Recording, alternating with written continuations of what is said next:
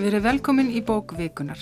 Við ætlum nú að taka fyrir bandaríst smásagnasafn sem var skrifað á árunum 1962 til 1970 og heitir Hemd Grasflatarinnar. Höfundur er Richard Brátigan sem margir Íslendingar þekkja gegnum þýðingar Girðis Eliassonar sem þýtti skáldsögurnar Svo berist ekki burt með vindum, Vassmelónsikur, Silungsveið í Ameríku og Ógjafusama konan. Hörður Kristjánsson þýtti skáldsöguna Heljarslóðarhattin og nú hefur Þórður Sævar Jónsson tekið sér til og þýtt bæði bókina Hóklæn skrimslið og þetta sapn 62 smásagna eða í mörgum tilveikum örsagna sem engum brátikan aðdánda kemur væntanlega óvart það eru hver annari skemmtilegri, furðulegri og stundum ljóðrætni. Þórður Sævar rætti við Guðna Tómasson í Víðsjávi vikunni og hafði þetta að segja um ástæður þess að hann heitlaðist af brátikan. Hann er hérna, hann er, getur verið alveg trillingslega fyndin Já, hann er mikill húmóristi og hann er ljóðurræn, alveg útrúlega frumlegur og snjall og skemmtilegu stílisti og síðan einhvern veginn getur hann vera mjög svona trega, en það er einhvern veginn, hann er mikill tregi í honum líka og þetta er látrúlega gott jafnvægi svona milli trega og stundum bara alltaf í galsa hjá honum. Þannig að og það já, mjög rosalega sterk svona náttúruskinnjun og, og hérna og það er svo margt og það er einmitt svona förður og surrealismi og og hérna já, það er eiginlega eins og ég segi ég er alveg bara kolfjall kolfjall fyrir honum. Hér lísti þýðandin Þórður Sævar Jónsson Richard Brátigan sem er höfundu bókarvikunar Hemd Grasflatarinnar Gesti mínir í dag eru Arndís Þórarinsdóttir Ríðtöfundur og Marja Elisabeth Bragadóttir Pislahöfundur. Velkomnar. Takk fyrir. Hvað segið um þessa lýsingu Þórðar Sæfars? Hvernig upplifið þið skáldskap Brátigans? Vil þú byrja Marja? Já, sko, mér finnst þetta bara virkilega frábær lýsing hjá honum og, og sérstaklega fannst mér skemmtileg, skemmtileg lýsingin hans þegar hann sagði að ef, ef Brátigan var í gangtegund þá var hann valhopp. Hann segir það í, í eftirmálunum. Hann segir það í eftirmálunum sem er alveg frábær. Hérna og, og já, vel að merkja ótrúlega vel þýtt bók. Ég held að það, það sé mjög mikilvægt að þegar það verða þýð einhverja svona bók eins og hemd grasflatarnar sem er svona ljóðaræna að sé einhver sem að, já, einhver, bara reytfundur sem að þýðir. Það er alveg mjög gott. En mér fannst einhvern veginn svona eins og sko að lesa þessar smásögur mér fannst þetta smá, eða örsögur, mér fannst þetta smá eins og bara að fá sér svona sopa af espresso eða eitthvað. bara svona ótrúlega mikið orkuskot oft.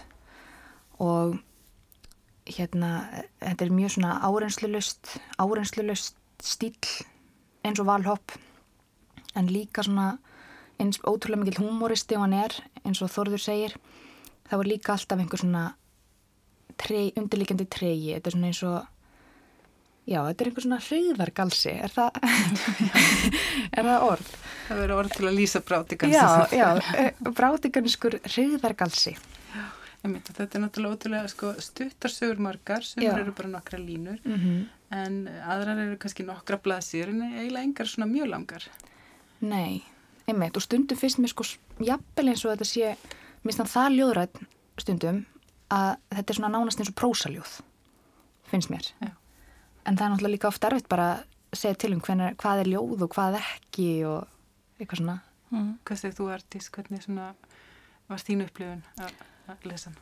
Jú, ég uh, svolítið samanlegs með uh, espressoin af því að þetta er svo að sömuleiti svo þungt efni mm -hmm að ef maður ætlar að drekka ekkert með espresso í marga daga þá, hérna, það fyrir ekki vel í mann af því að þetta eru doldið nærgöngulir tekstar, fannst mér mm -hmm. af því að þó að það sé þessi kýmni í frásögninni og ákveðin léttleiki í stílnum og jafnvel sko svona galgopaskapur í því hvernig hann flæðir á milliheila bókmyndagreina bara innan sömumu efnisgreinar þá er alltaf, þá fannst mér þessi undirlegjandi harmur daldið erfiður mm -hmm.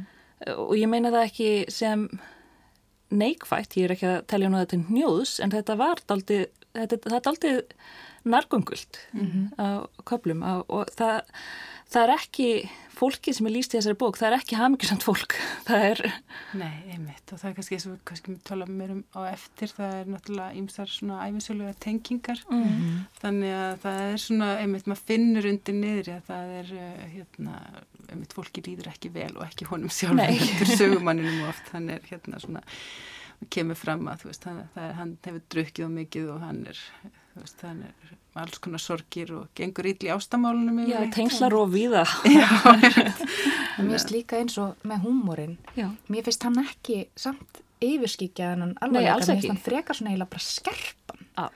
Alveg samanlega. Já, það verður kaltæðnislegt svolítið. Já, það og líka oft bara svona þessi surrealismi og, veist, og þessi galsi, mér finnst hann oft bara draga enn frekar fram, mm.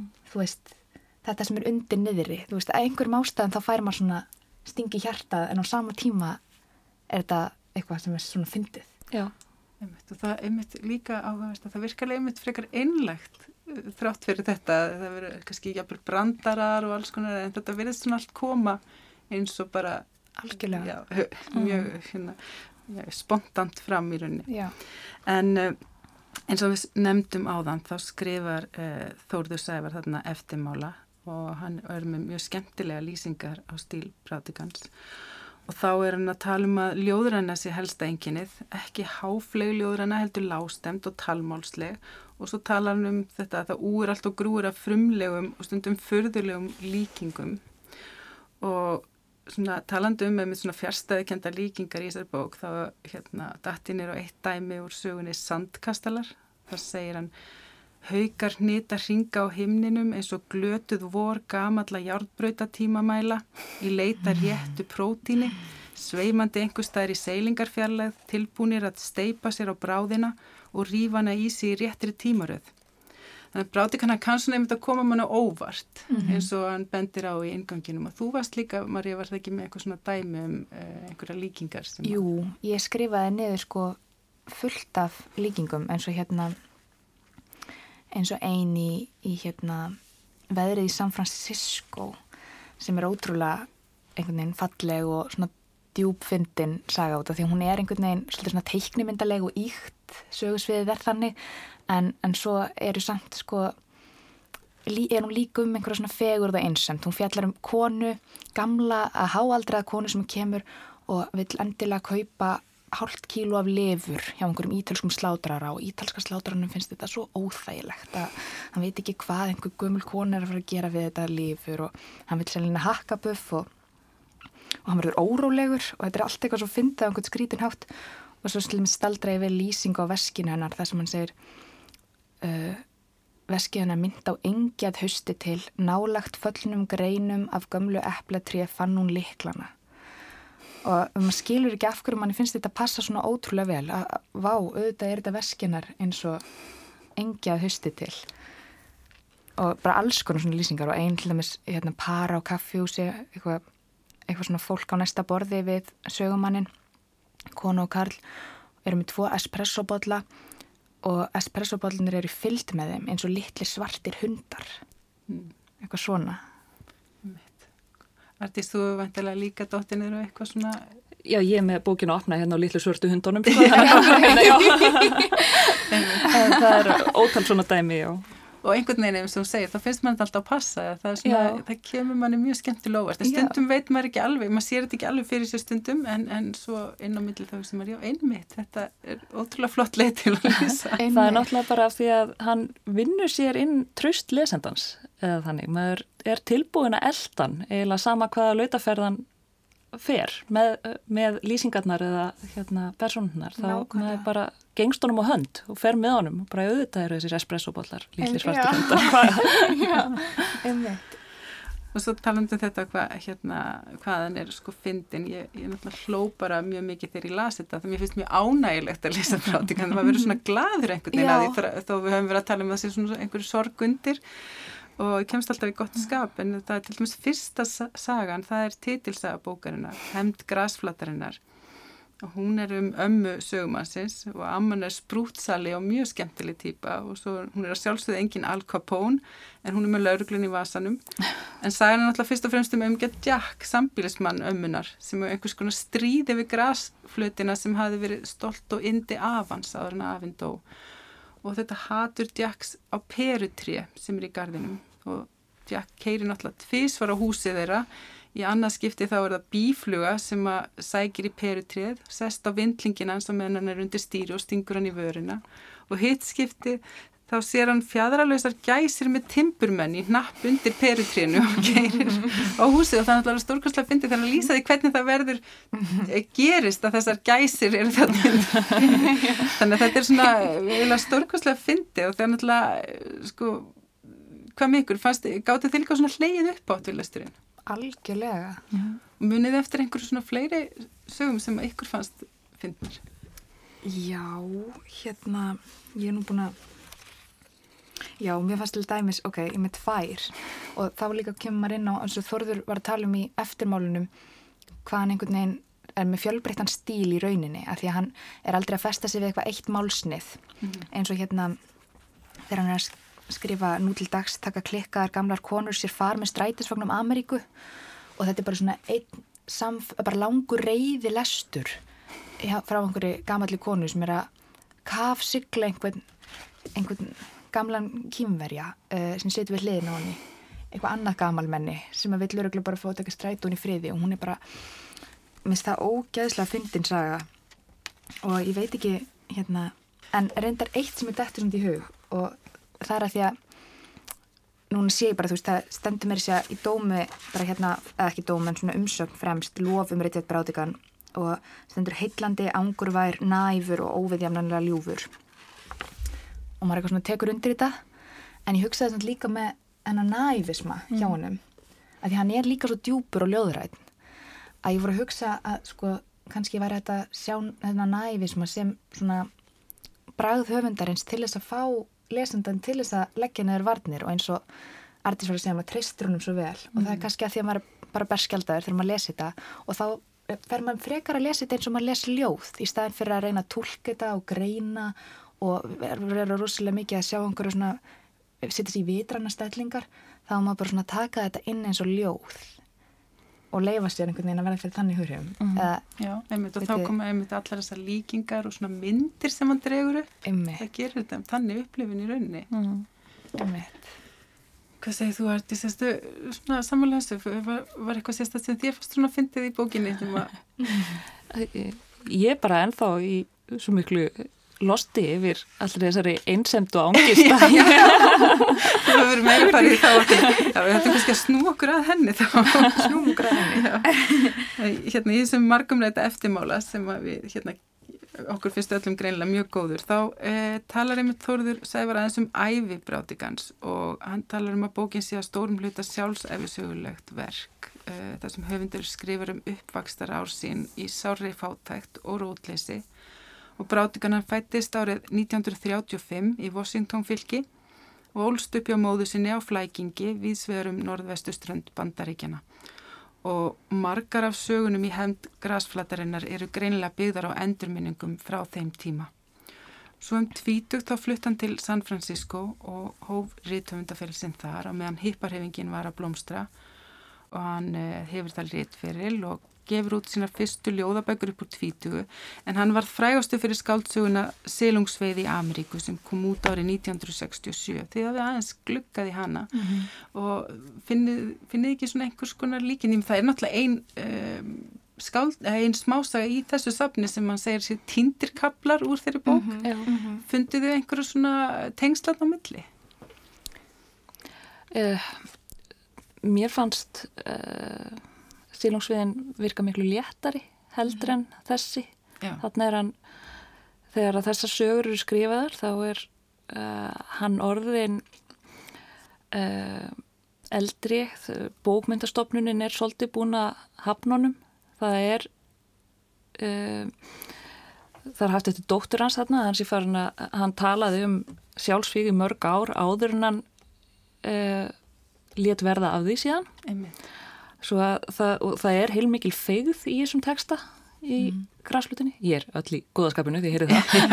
en, hérna, uh, en þegar hann skrifar sílungsviðina þá er það, þá er hann ungur maður sem að einhvern veginn á svona allar að sigra heiminn og, hérna, mm. og, og tekst það að einhverju marki með þessari bók, hún mm. verður hún, hún slæri gegn og síðan er búið að fjara undan eða allir þeirri velgengni þegar þessar sögur eru skrifaðar og mér fannst ég alveg skinnja svona þann afstöðumun mm. höfundar, hvort sem það er ímyndun eða ekki Já Hvað stið þú Marja, þú gluggaði bara aðeins í hana, veða ekki? -hmm. Jú Já, ég bara, ég verða að trúa það sko en mér fannst samt svona einhvern veginn mér fannst hann aldrei verða sko láta örvendinguna ná takja á sér mm. einhvern veginn sem höfund þegar ég var að lesa þessar össugur mér fannst hann ekki verið eitthvað beiskur eða eitthvað svoleiði sko mm. þó hann væri, þó hann væri þungur mm. en mér fannst hann ekki vera, ekki beis, mér fannst hann ekki vera bitur Nei.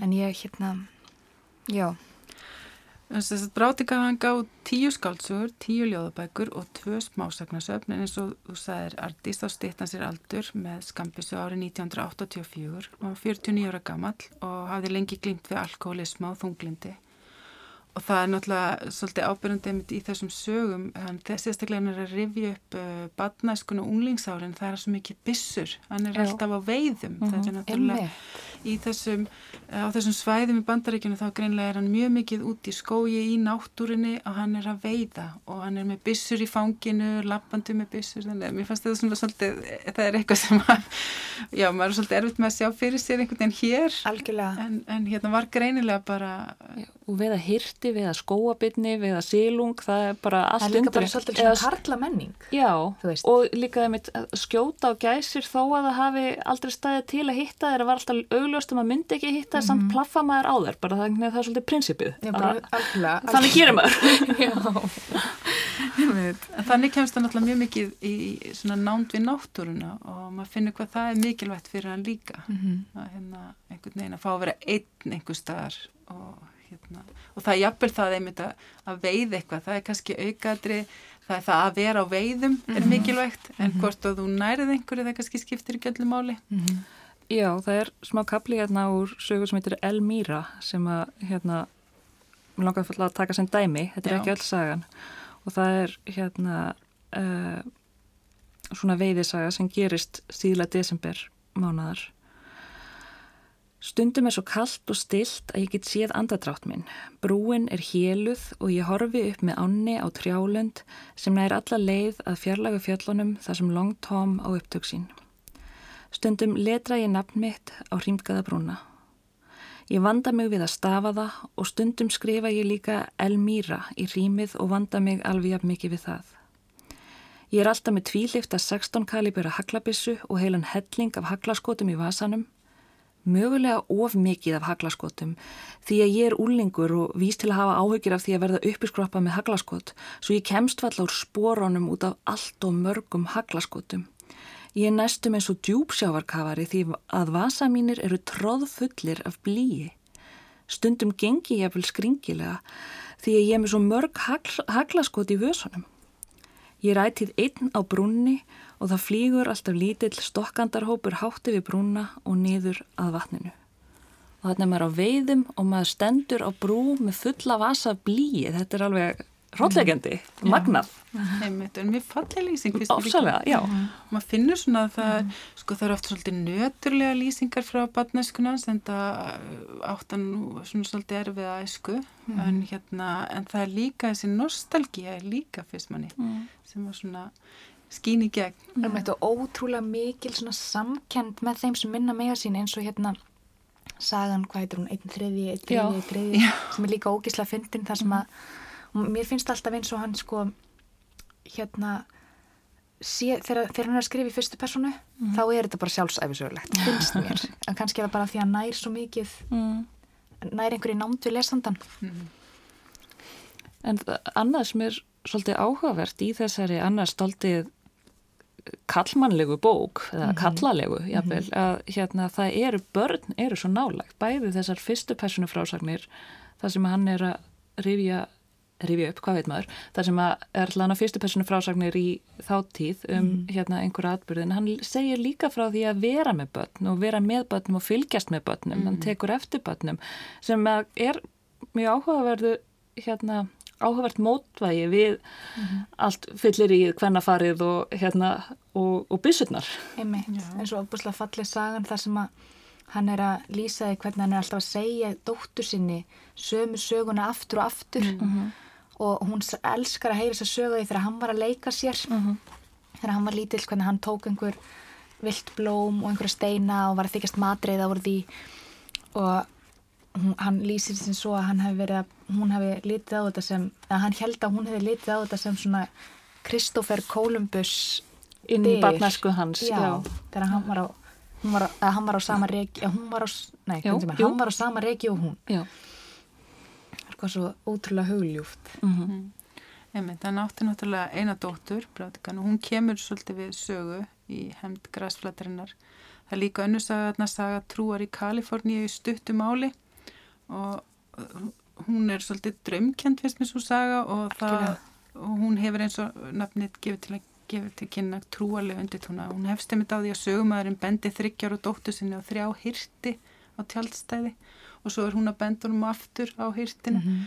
og þau fá svona eins og rafstuð segir hann þegar mm -hmm. þau mhm. sjá hýrtina það er svona afskaplega fyrst með svona falleg lýsing mm -hmm. og svona einhvern veginn hvernig þau uh, á sambandi þeirra og hans við mhm. það er ekki surrealískur brátikan en hann er svona dullrætt já, eiginlega mhm og kemur þessi trúalegi tótn einhvern veginn með, með hirtina sem er nú hérna út um allt í rauninni. og sem verður að reyna að skjóta og, og þar virkar líka dóttir hann sem svolítið einhvern veginn framandi hann veit ekki hvað hún er að hugsa mm -hmm. en mhm. hún er ofsalega örug mm -hmm. einhvern veginn, hún fer og það er einhver, eitthvað fólkan eitthvað trú, eitthvað hvað er einhverju trúbúðar eða eitthvað? Einhver kristilegt einhver, samkoma einhver kristileg samkoma. Og hún fer og, og næri einhverju sambandi og hann áttar sér ekkert alveg á því hvað hún vill. Þegar gefin einhverja köku hún vill ekki kökuna. Mm -hmm. einhvern veginn en hann veit ekkert, hún verðist svo örug Já. það er eins og svona maður skinnjar einhverja svona nánast svona vannmátt, vannmátt hans mm -hmm. gagvart henni. En samt svona ótrúlega mikla væntum þykju og aðdáun og mm, Já, það er mjög, reynda, mjög falleg saga. Mjög falleg. Um, Svona þegar við hafi lesið þetta í gegn, þeir hafa náttúrulega lesið þetta ventilega eins og ég, svona næstu því í einum rikk, mm. það er náttúrulega alveg hægt að lesa bara einu og eina sög og láta þetta endast til hansi lengi. Mm. Fannst ykkur svona vera, uh, hvað segja, fyrst ykkur um, að þessi heldarsvipur á bókinni og uh, fannst ykkur svona vera ykkur ákveðin þemur sem engin hana? Góð spurning. Já, já, það eru þemur sem koma alveg út í gegn. Já, það, það er náttúrulega nokkur. Nokkur, Já. það er títnemdu döiði en líka tímin, hann er mikið að pæla fyrir, í hvernig tímin líður eins og þarna mm. hérna Kristófer Kolumbus gáttinn inn í badnæsku einhvers annars. Algjörlega, nostalgí, nostalgían líka.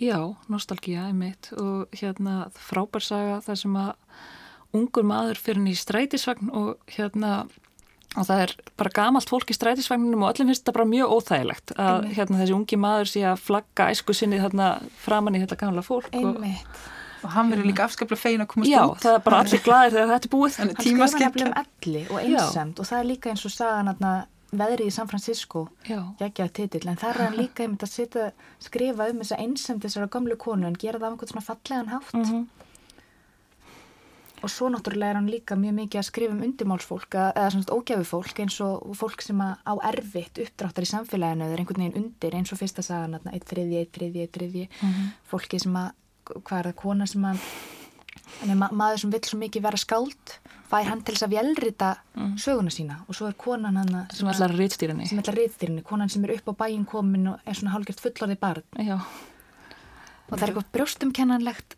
og fyndið og sorglegt og fallegt mm. en það er líka annað sem að kemur ítrekkað fyrir það eru peningar. Og það er nú eitt í þessari saga eitt triði, eitt triði, eitt triði það er þriðjungarnir snúast um höfundalaunin af hérna ágóðana þessari bók sem að velrítarinn, rítstjórin og höfundarinn ætla að deila með sér. En það kemur aftur aftur fyrir, það eru bankar koma fyrir, mm. afborganir maður að semja um eitthvað hérna. Og og bara fátækt almennt, kreppu árin eru nefnd oftar en einu sinni. Segir hvort að fólk sé, tekur fram hvort að fólk sé fátækt Já. eða moldríkt. Eins og þannig moldríka konan sem að elskaði var það ekki hundin sinn svo ótrúlega mikið? Já, lét sem hann lifði fyrir hana. Já, það var endar ógislega fyndin. Fyrst vorum að tala um eitthvað fyndin, fyndna setningu. Og segir hann að hann er að tala um vinsinn og hann segir hann er líka garðirkjumadur hjá moldríkri gamalli konu í Marinsíslu hún átti 19 áran gam- gamlan hund sem hún elskaði af öllu hjarta og hundurinn endurgalt ástina með því að deyja hægum ellidauða. Þetta er eitthvað svona fyndið en líka svona Já. Og þú líka last áðan yfir hérna úr sandkastulum hún er einmitt líka svona skemmtilegur hérna skemmtilega stilt upp einhverju hverstastlegu og uh, og fábrotnu þar sem hann uh, sandkastalasnir umbreytast eiginlega í raunverulega kastala og sem að hérna eru uh, standa síðan fyrir í rauninni bara eitthvað gamalt og dögt af því að það eru hérna velhaldnir úlingar sem að eru að hérna skemmta sér og allt í hennu og þau eru að grafa hvert annað í sandin og allt í hennu eru við eiginlega bara stödd í kirkjugarði fyrir utan hérna stóran glæsilegan kastala þannig það rennur allt saman í þessu sögu og verður svona mikið af uh, uh, miklar andstæður einmitt. Einmitt, þetta er kannski eina af þessum sögum sem mann finnst svona svolítið ljóðrænar og einhvern veginn sem verða pínu svona mystiskar jafnvel. Algjörlega. Eitthvað Sem að, svona grípum mann þannig. Einmitt, og maður verður bara einhvern veginn að skinja en frekar en að vera eitthvað svona að reyna að leggja einhvern svona, eða tólka. Já, Finnst ykkur svona, það hjálpa til að þekkja eins til æfi brátikans þegar maður er að lesa þetta, nær maður betra sambandi? Ég myndi alveg segja það dýfki lesturinn að, að geta svona, já, ég seg, myndi segja það, en samt getur maður líka fengið bara heilmikið út úr það að vita nokkuð um hann, þannig að, En mér langaði svona aðeins að byggja ykkur um að lesa kannski einhverjar uh, brotur sögum sem höfðu sérstaklega til ykkar og kannski fá, fá til að segja líka út af hverju þá. kannski bara ég var að reyna að lýsa þér fyrir einhverjum. Já. Ég var að reyna að lýsa þér fyrir einhverjum um daginn. Þú ert ólík öllum stúlkum sem ég hef nokkuð tíman séð. Ég gæti ekki sagt, sko, hún er alveg eins og Jane Fonda, nema að hún er rauðherð og munnurinn á henni er öðruvísi og hún er náttúrulega ekki kvikmyndastjarna. Ég gæti ekki sagt þetta því þú ert ekki vitund lík Jane Fonda. Ég líkti þér að endingu við kvikmynd sem ég sá sem barn í Tacoma, Washington. Mér minnir að ég hefi séð hana 41 eða 42, einhver tíman um það leiti. Ég held að ég hef verið 7 eða 8 eða 6. Hún fjallaði um rafvæðingu á landsbyggðinni og var fullkomið dæmi um kvikmynd sem var ætluð börnum og bóðaði efnahagsstefnu Rósvelds á fjórða áratugum. Myndin fjallaði um bændur sem byggu án rafmagns. Þeir þurftu að nota luktir við saumaskap og lestur og til að komast leiðar sinnar á kvöldin. Þeir áttu engan tækjabúnað á borð við bröðuristir og uppþóttavélar og þeir gátu ekki hlustað á útvarpið. Svo reistuðu þeir stíplu með stórum rafölum og sett upp stöyra yfir þvera á endilanga sveitina og strengdu ramagslínur yfir engi og beitilönd. Það fylgdi því einhver magnaður hetjulegur þungi að setja upp stöyra sem línurnar ferðuðist eftir. Þeir voru fornir og nýmóðins í senn. Síðan brá kvikmyndin upp mynd af ramagninu sem ungum grískum guði sem kemur til bóndans og rekur burt myrka lifnaðarhættina að eilífu. Með því að ít á einn rofa var bóndin fyrirvarlust og fyrir guðlega forsjón með ljós til að mjölka kýrnar á dimmum vetrar morgnum. Fjölskylda bóndans gætt hlustað á útvarpið og hún fekk bröðrist og nóg af skæru ljósi til að sauma kjóla og lesa dagblöð. Þetta var virkilega frábær mynd og hún kveikt í mér. Eins og þegar ég hlust á þjóðsöngin eða sé ljósmyndir af Rósveld Forseta eða heyri honum í útvarpinu. Forseti bandaríkjana. Ég vildi að rafmagnið bærist út um allan heim. Ég vildi að allir bændur í heiminum gætu hlustað á Rósveld Forseta í útvarpinu. Þannig lítur þetta út fyrir mér. Hvað er það við þessa sög sem þið fast svona Sko, mér finnst hún bara svo góð af því að mér finnst hún, hún er einlæg og hún lýsir því svo vel einhverju svona alveg ótrúlega djúbstæri hrifningu. Hann er bara hugfóngin af þessari stelpu og hann langar svo að lýsa henni fyrir einhverjum og þetta er bara lýsingin. Hún finnst eins og hún sé færum að uh, raf, hvað segir maður, rafvæða, kveikja bara ljós uh, uh, og hérna mér finnst það bara svo fallegt og, og, mér finnst þetta líka vera svolítið svona lýsandi fyrir brátikana því að hérna um, sögurna bara tala sinu máli eins og ljóð, maður það bara í stæðan, aðri þurfa bara að lesa, maður langar bara einhvern veginn og það eru svo stuttar að það eru svo stuð já, þetta er bara þetta er alltaf söm. Það maður er eiginlega fljótar að lesa söguna heldur en að fara að lýsa það er útskýrinu, nákvæmlega. Hún er svona, hún er svona ekt einhvern veginn, hún er djúpfindin og hún er margræð, samt einföld. Mm. hvað segir þú Artís, erst þú með eitthvað Já, ekki bara að lesa minningu stelpu fyrst að það var hendt hérna í báðan, ég merti það hana líka. Minningum stelpu. Ég get ekki hort á bygginguna sem hýsir vátryggingasjóð slökkulismanna án þess að hugsa um brjústin á henni. Byggingin er á hotni Præsít og Bræðgutunar og Kaliforníustrætis í San Francisco. Þetta er bláleit byggingur rauðsteini og gleri sem lítur út eins og minniháta heimsbyggikenning sem var skellt niður þar sem einn þekktasti kirkjugarði landsins var áður. Laurel Hill kirkjugarðurinn 1854 til 1946. Ellefu öldungadeildaþingmenn voru jærsettiðar. Þeir og allir hinnir voru fluttir burt fyrir löngu en það eru enn stórir kýprusviðir við vátryggingasjóðin. Þessi tríu vörpuði einu svoni skugga sínum á grafir. Þau voru hluti af gráti og sorg að degi til og þögna nætulegi að frátöldu gnauði í vindum. Ég veldi fyrir mig hvort þau spyrjið sér spurninga á borð við hvert fór allt dauða fólkið? Hvert var farið með það? Og hver er fólkið sem heimsótti það? Akkur eruðu við eftir? Kanski er þessar spurningar ofljóðrannar. Kanski væri fyrir bestu að segja bara við vátryggingasjóðin í Kaliforníu eru fjórir kýpusviðir. Þetta... Þið eru báðar mjög hrifnur á þessari sögu. Já. Hvað er það við hana sem heilir ykkur? Það er um, það er alltaf gaman þegar þið talaðum eitthvað án þess að tala um það. Nákvæmlega. Hann, uh, þetta byrjar svona með einhverju hálgerðið grettu að fara að tala um brjóstin á einhverju stelpu sem við veitum ekki hver, hver er en síðan kemur þessi eh, nefni og harmur einhvern veginn mm -hmm. inn í tekstanum og, og fjárvera þessara stelpu verður jafn áberandi eins og fjárvera alls annars sem mm -hmm. hann er að lýsa.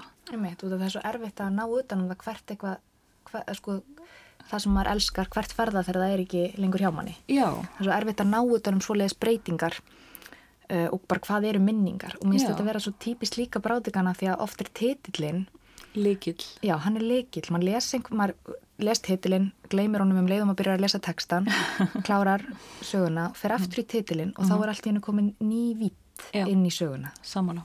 Hann er mjög góður í titlum. Og í rauninni er þetta pínu svipað, þetta eru pínu svipaðar sögur að einhverju leiti sem við lásum. Já, já hún er svolítið líka þessi svolítið svona heimsbyggileg finnst mér, að því að mér finnst það flott hvernig hann talar um þessa kýbrusviði, áður, áður vörpuður skuggasunum og grafir, nú mm. varpaður skuggasunum og vátryggingarsjóð slökkvölismanna sem að minna hann alltaf á brjóstin og stelpunni. Og líka er, það er svo margt í gangi þarna, vátryggingarsjóðurinn er náttúrulega að koma vátryggingarsjóður á að grýpa inn í þegar eitthvað hræðilegt hefur gerst. Mm -hmm. og hann er þarna á stað þar sem var áður kirkjugarður mm -hmm. þegar að hér ræðilegast að hefur gerst. Það er náttúrulega og þetta er bara góð og klassísk spurning bara hvar eru þeir allir núna það eru fleiri en kýpursviðinir sem að velta því fyrir sér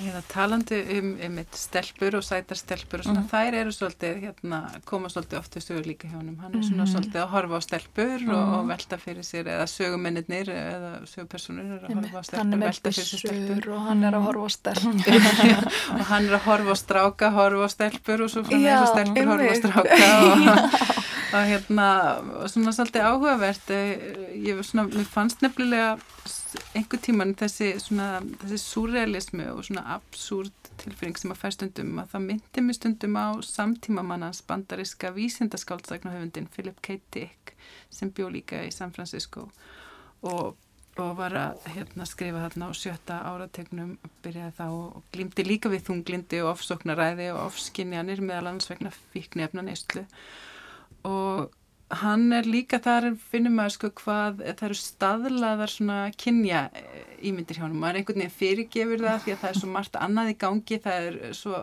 einmitt þetta mm -hmm. absúrt andrumsloft, maður einhvern veginn dregst inn í þetta, mm -hmm. en maður finnur samt í gegn einhvern veginn þessar kynja hugmyndi frá þessu tíma, hvað mm -hmm. þær eru sterkar og skýn í gegn, tókuðu eftir þessu líka? Algjörlega mhm.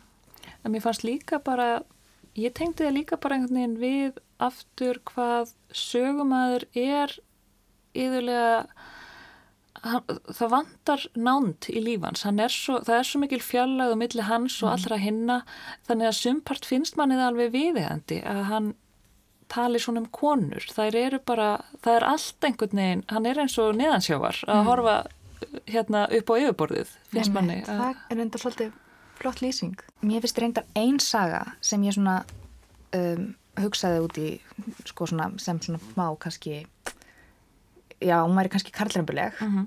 og það er hérna Svikna konungsríkið af því að þó hún sé, mér finnst hún, hún er skemmtileg sko, hún er skemmtilega skrifuð um, þá hugsaði ég samt líka að hún væri kannski ekki sko, ef Richard Braudigan væri 93 mótel það hefða nöruglega ekki skrifað hana af því að hún hefur öruglega verið fyndnar á þeim tíma sem hann skrifaði hana mm. að því að forsendurnar til þess að finnast hún fyndin þegar eru pínu horfnar, það eru ekki lengur til staðar já. það er svona ná ekki, þessi saga næri ekki að falla að okkar réttugsun eða okkar svona hugmyndaheimi bara, það, það er sem sagt saga það sem hann er að skrifa um það að hann er að rifjað upp þegar hann var í parti með ungri, þegar hann var ungu maður og það var alltaf þessi stelpaðna sem mætti partíið og var sjúklega sexy og allir vinnir hans bara svo ég segi orðrétt hérna hún snýri sér alltaf strákunum sem vildu ríðinni sem voru yfirleitt vinnir hans og spurði þá hvort þeir getur gefið henni far heim.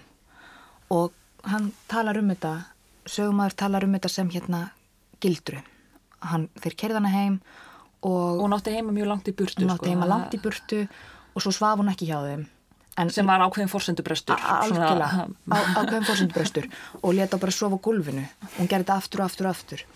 Og hérna sko það sem er náttúrulega svona munurinn einhvern veginn núna mm. þegar maður lesi þetta og er með einhvern svona kynjagleru er að maður hugsa náttúrulega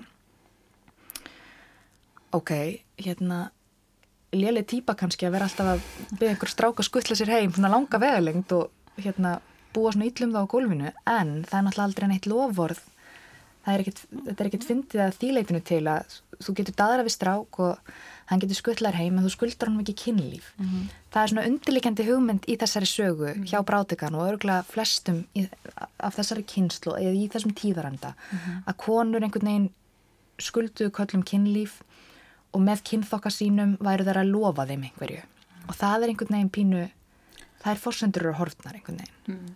En einhver sagði einhvern tíman að hérna að uh, fortíðin væri framandi menningarheimur þannig að maður þyrti rauninni að líta á gamlar bókmentir bara með augum, þeim augum sem maður lítur bækur frá fjarlægum heimslutum þar sem að gilda mm. aðra reglur Algjörlega. og aðra lögumál mm -hmm. En gera, ætlum að gera ekki alltaf ósálagt bæði? Maður svona horfir á þessum einhvers konar sökfræðilega heimild næstum því að svona, mm. svona var tíðan. En svo mm. kemst maður eiginlega ekki hjá því að vera með sína ynglir og líka. Algjörlega. Sittur uppi með þau. Já maður getur lifað sér í þetta en maður hugsa líka ægi, þú ert að miskilja hann að bráta það er svo margt sem hann miskilur hann er það er eitthvað alveg mjög rétt. En það er kannski bestur svo það er svolítið heitlandi náttúrulega er það að hann svona sjálfur hann er eh, ekki sko hrókafullur á neinu leiti, tekstin er allavega þannig að hann er eh, kannski er ekki að gera sér mjög háar hugmyndir um sjálfan sig sínist manni. Nei, hann tekur henni ekkert alvarlega og það gera hann líka mjög svona sympatískan, það er svona mm. heldum að með honum einhvern veginn og það líka gerir þessi samskipti við konur en þá áhugaverðar þessi nánd sem við erum búin að vera að tala um sem er við lesandan mm -hmm. sem að skortir allstaðar annar staðar.